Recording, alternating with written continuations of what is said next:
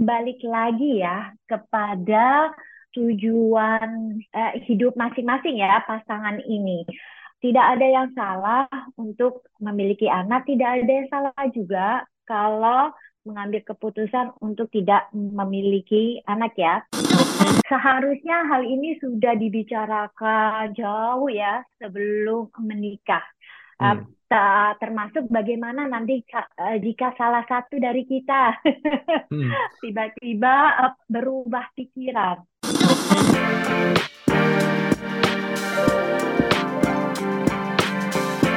Hai sahabat TCID, kalian sedang mendengarkan podcast Suara Akademia.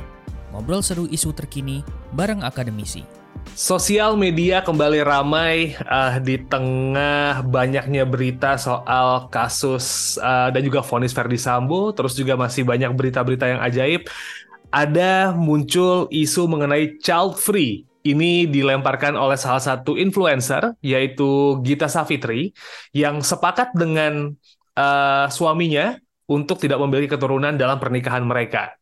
Ini sih jadi perdebatan yang lumayan panjang ya um, di sosial media bahkan di kehidupan biasa pun kalau ketemu sama orang child free ini sering dibahas gitu, especially orang-orang yang sudah menikah atau mungkin baru terpikir untuk menikah dan kali ini di Suara Akademia kita bakal ngobrolin soal child free ya. Kita bakal menengok soal isu ini, tapi kita bakal coba kulik dari sisi psikologi Sobat isi ID.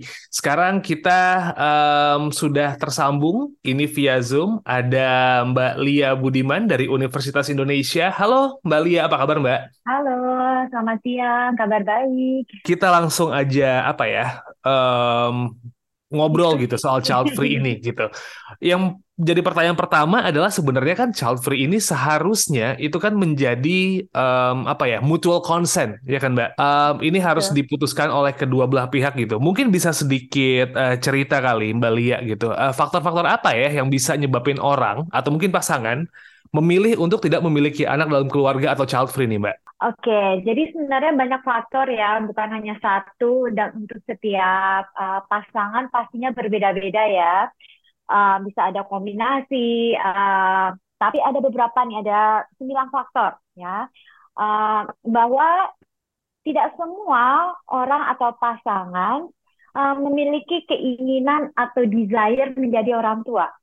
Ya, itu satu. Dan sebenarnya itu hal-hal yang wajar Uh, karena uh, kita uh, besar di lingkungan yang uh, ketika sudah menikah memiliki pasangan uh, step selanjutnya itu adalah memiliki uh, momongan. Ya itu hal yang normal. Justru kalau tidak uh, berkeinginan untuk memiliki anak uh, there must be something wrong kali ya dengan hmm. pasangan itu.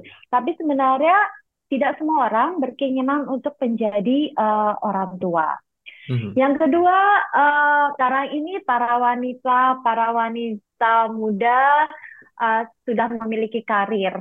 Mungkin mm-hmm. juga bukan hanya wanitanya saja, tetapi suaminya juga mungkin adalah individu yang uh, berpendapat bahwa karir itu adalah salah satu hal yang penting dalam kehidupan sehingga uh, meniti karir sampai titik yang paling tertinggi itu menjadi suatu tujuan hmm. Dan dengan keberadaan anak uh, kemungkinan ada hal yang harus dinegosiasi dan menurut saya uh, jika pasangan uh, memiliki tujuannya sama ya dan salah satunya adalah karir bukan anak menjadi hal yang sangat bertanggung jawab untuk memilih uh, mungkin memiliki anak bukan untuk kita, tetapi hmm. mungkin untuk pasangan lain. Karena untuk memiliki anak komitmen dan tanggung jawabnya sangat besar ya, hmm. uh, sehingga mungkin pasangan ini uh, menurut saya justru sangat responsible dan tidak egois karena nanti takutnya udah punya anak justru anaknya ini tidak diperhatikan karena memang uh, memiliki aspirasi ya untuk hmm. meniti karir. Uh, ketiga memiliki anak sekarang itu nggak murah ya. Betul. Dari TK saja udah mahal ya. Hmm, betul betul. Nah jadi mungkin ada uh, ya unsur ekonomi ya ingin memberikan yang terbaik, tetapi mungkin uh, belum memungkinkan saat ini sehingga memilih mungkin hal yang uh, responsible atau bertanggung jawab mungkin uh, saat ini atau untuk saat yang lebih panjang tidak uh, memiliki uh, anak.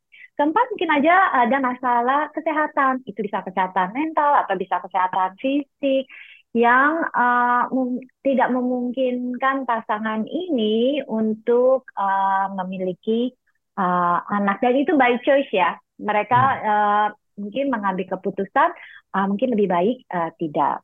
Lifestyle, uh, ada pasangan yang senang traveling, exploring the world ya uh, dan mungkin kehadiran anak itu tidak fit dengan lifestyle mereka uh, okay. which is fine ya uh, ada tiga lagi yang uh, yang the next itu adalah environmental reason. Nah, biasanya ini para aktivis-aktivis di yang melihat uh, kita sini udah overpopulated dengan hmm. overpopulated climate change sehingga mereka memilih untuk memperbaiki uh, keadaan di dunia ini uh, memilih untuk tidak memiliki anak.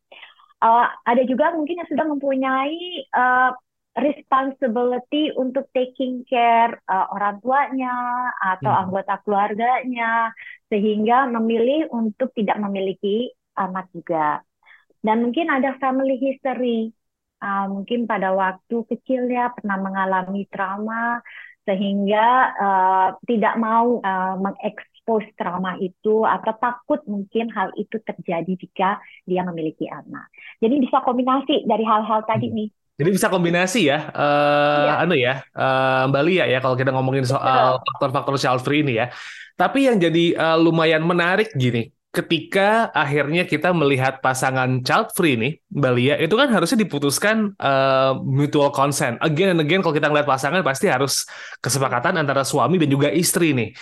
Bisa ya. nggak sih mungkin Dahlia sedikit cerita nih uh, gimana dampak psikologis buat pasangan yang ternyata pas sudah menikah tuh punya perbedaan pandangan gitu dalam keinginan buat memiliki anak. Misalnya suaminya itu pengen punya anak, istrinya enggak atau sebaliknya nih Mbak? Uh, itu sebenarnya hal uh, prinsip dasar ya ingin mem uh, memiliki anak uh, kalau yang uh, yang satu ingin memiliki anak, yang satu lagi tidak, itu akan berdampak ya uh, pada perkawinan tentunya. Uh, walaupun di awal kemungkinan ada kesepakatan itu, tetapi tidak menutup kemungkinan ya uh, akan berubah. Nah, di sini memang uh, harus sangat di uh, bicarakan ya karena hmm. hal ini uh, secara prinsip bukan hal yang kecil ya. Hmm. Uh, ini adalah hal hal yang besar sehingga memang uh, perlu benar-benar dibicarakan ke mana nih kita hmm. akan uh, melangkah ke depannya. Uh, jika memang tidak uh, konsensus ya. Yang satu tetap hmm. enggak, tidak pokoknya saya tetap tidak mau memiliki anak, tetapi yang satunya lagi ada keinginan untuk memiliki anak. Nah, di sini di sini mungkin bukan negosiasi lagi ya. Salah satu mungkin harus oke, okay, apa yang terbaik untuk uh, bisa kita lakukan. Dan mungkin itu kesepakatan itu harus dijalankan ya untuk menuju ke langkah yang lebih uh, ke depannya lagi. Oke. Okay. Tetapi nah. kalau kesepakatan itu tidak ada, itu akan sangat bermasalah. Ya, dan kemungkinan uh, marriage-nya juga nggak akan last long ya. Mhm. Betul, betul, betul. Tapi artinya begini nih, uh, Mbak Lia, kalau memang akhirnya mau melihat apa ya kesepakatan ini gitu, agreement ini, seharusnya dilakukan benar-benar jauh sebelum melanjutkan ke tahap yang serius dong. Jangan pas tiba-tiba udah nikah baru, loh kok kamu jadi begini? Ya nggak sih Mbak? Ada Betul kayak obrolan gitu-gitu? Ya, seharusnya hal ini sudah dibicarakan jauh ya sebelum menikah. Hmm. Uh, termasuk bagaimana nanti uh, jika salah satu dari kita hmm. tiba-tiba uh, berubah pikiran apa yang akan kita lakukan. Lah, ini sudah harus apa? Sudah harus dibicarakan uh, jauh sebelumnya. Karena mungkin saja kan kita berubah ya. Namanya juga manusia berproses ya. Ada satu hal dan lain hal yang tadinya tidak berkeinginan memiliki anak, sekarang ada keinginan uh, untuk memiliki anak. Jadi benar sekali, Mas, harus dibicarakan dan itu harus dibicarakan secara serius ya.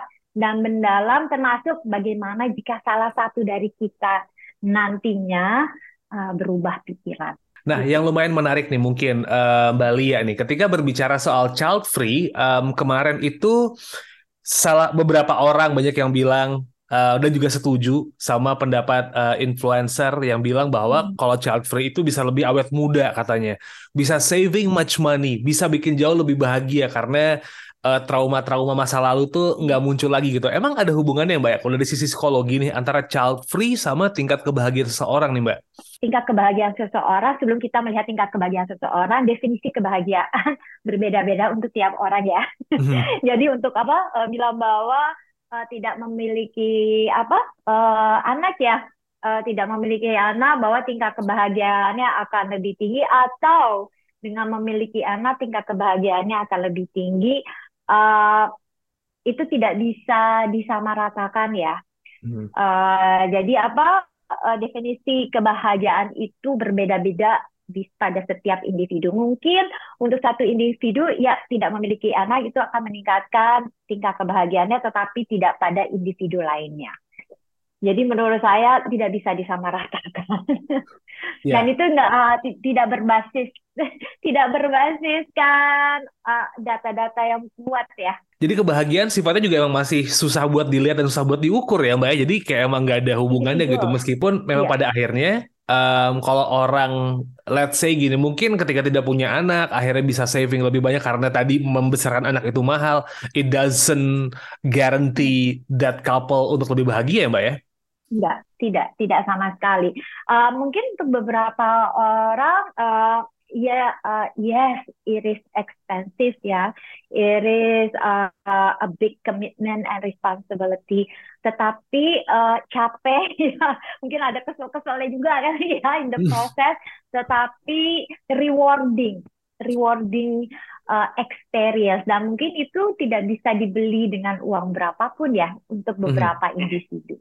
Jadi tergantung tergantung uh, uh, value yang kita miliki dan tujuan hidup kita apa. Mungkin Mbak kita berbicara sekarang soal tingkat uh, keterikatan emosional sama hubungan sosial nih. Ada perbedaan nggak ya antara orang yang punya anak sama yang nggak punya anak gitu Mbak? Hmm, banyak hal yang membedakan mengapa uh, beberapa individu ya memiliki keterikatan sosial yang tinggi versus beberapa individu memiliki tingkat sosial yang rendah tetapi itu tidak uh, uh, berdasarkan apakah seseorang itu memiliki anak atau tidak.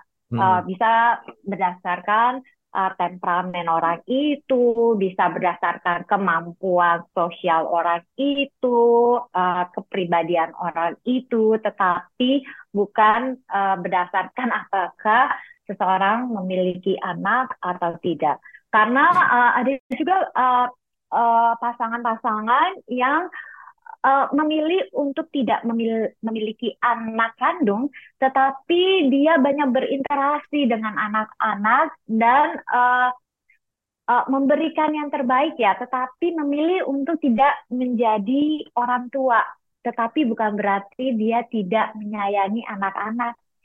Nah, dan itu banyak sekali hmm. seperti itu. Oke. Okay. Jadi jawabannya, jawaban saya tidak ada hubungannya. Tapi nih, kita berbicara soal impact nih uh, Mbak Lia gitu. Ketika akhirnya ada pasangan yang memutuskan untuk tidak memiliki anak gitu ya pasti selalu akan ada dampak positif dan juga negatif gitu. Selalu ada dua sisi mata uang gitu kalau kita berbicara satu hal. Nah dampak positif sama dampak negatif especially di urusan psikologi nih Mbak. Um, ketika orang memutuskan child free itu apa aja sih? Jadi sebenarnya sih uh, balik lagi ya kepada uh, tujuan uh, uh, hidup masing-masing ya pasangan ini. Uh, tidak ada yang salah untuk memiliki anak, tidak ada yang salah juga kalau mengambil keputusan untuk tidak memiliki uh, memiliki anak ya. Nah di sini itu yang penting itu tadi sudah kita bahas juga ya.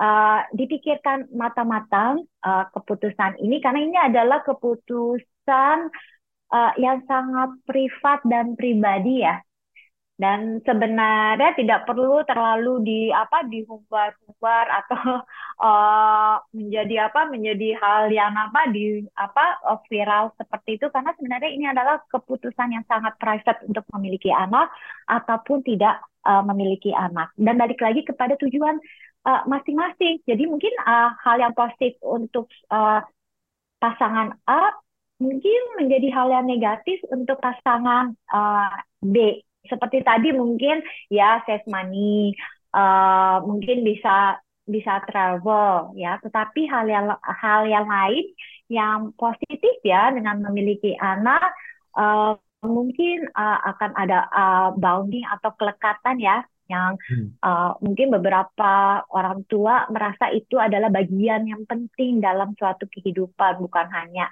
justru travel bukan menjadi hal yang penting ya. Hmm, seperti hmm. itu. Kebersamaan walaupun tidak banyak apa tidak banyak uangnya tapi kebersamaan menjadi hal yang penting. Hal-hal simple tetapi dilakukan bersama dengan penuh kasih sayang itu menjadi hal yang penting. Jadi menurut saya uh, kata memiliki ya memiliki anak itu implikasinya kan uh, kita own atau ownership ya memiliki ownership dari siapa anak kita itu ya tapi sebenarnya kan anak kita itu bukan milik kita Betul. hanya dititipkan sementara ya untuk kita besarkan, untuk kita didik, yang nantinya uh, berharap akan menjadi individu yang bisa mandiri dan punya kehidupannya sendiri ya. Jadi uh, bukan uh, kita miliki.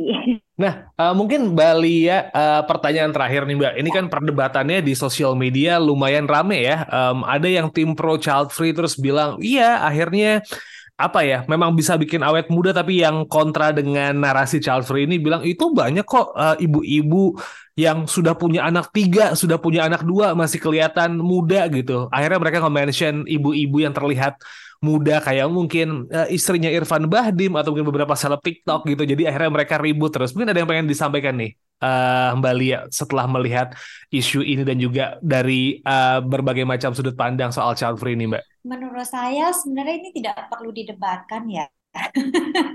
Karena balik lagi ini adalah uh, uh, boleh saja kita mendapatkan informasi, boleh saja uh, kita ber, ber, berpendapat ya, tetapi uh, tidak harus memaksakan memaksakan uh, pendapat kita mengenai ya child free ini ya. Tentunya setiap orang akan memiliki pilihannya masing-masing ya dan uh, uh, mengetahui apa yang terbaik untuk dirinya dan pasangannya.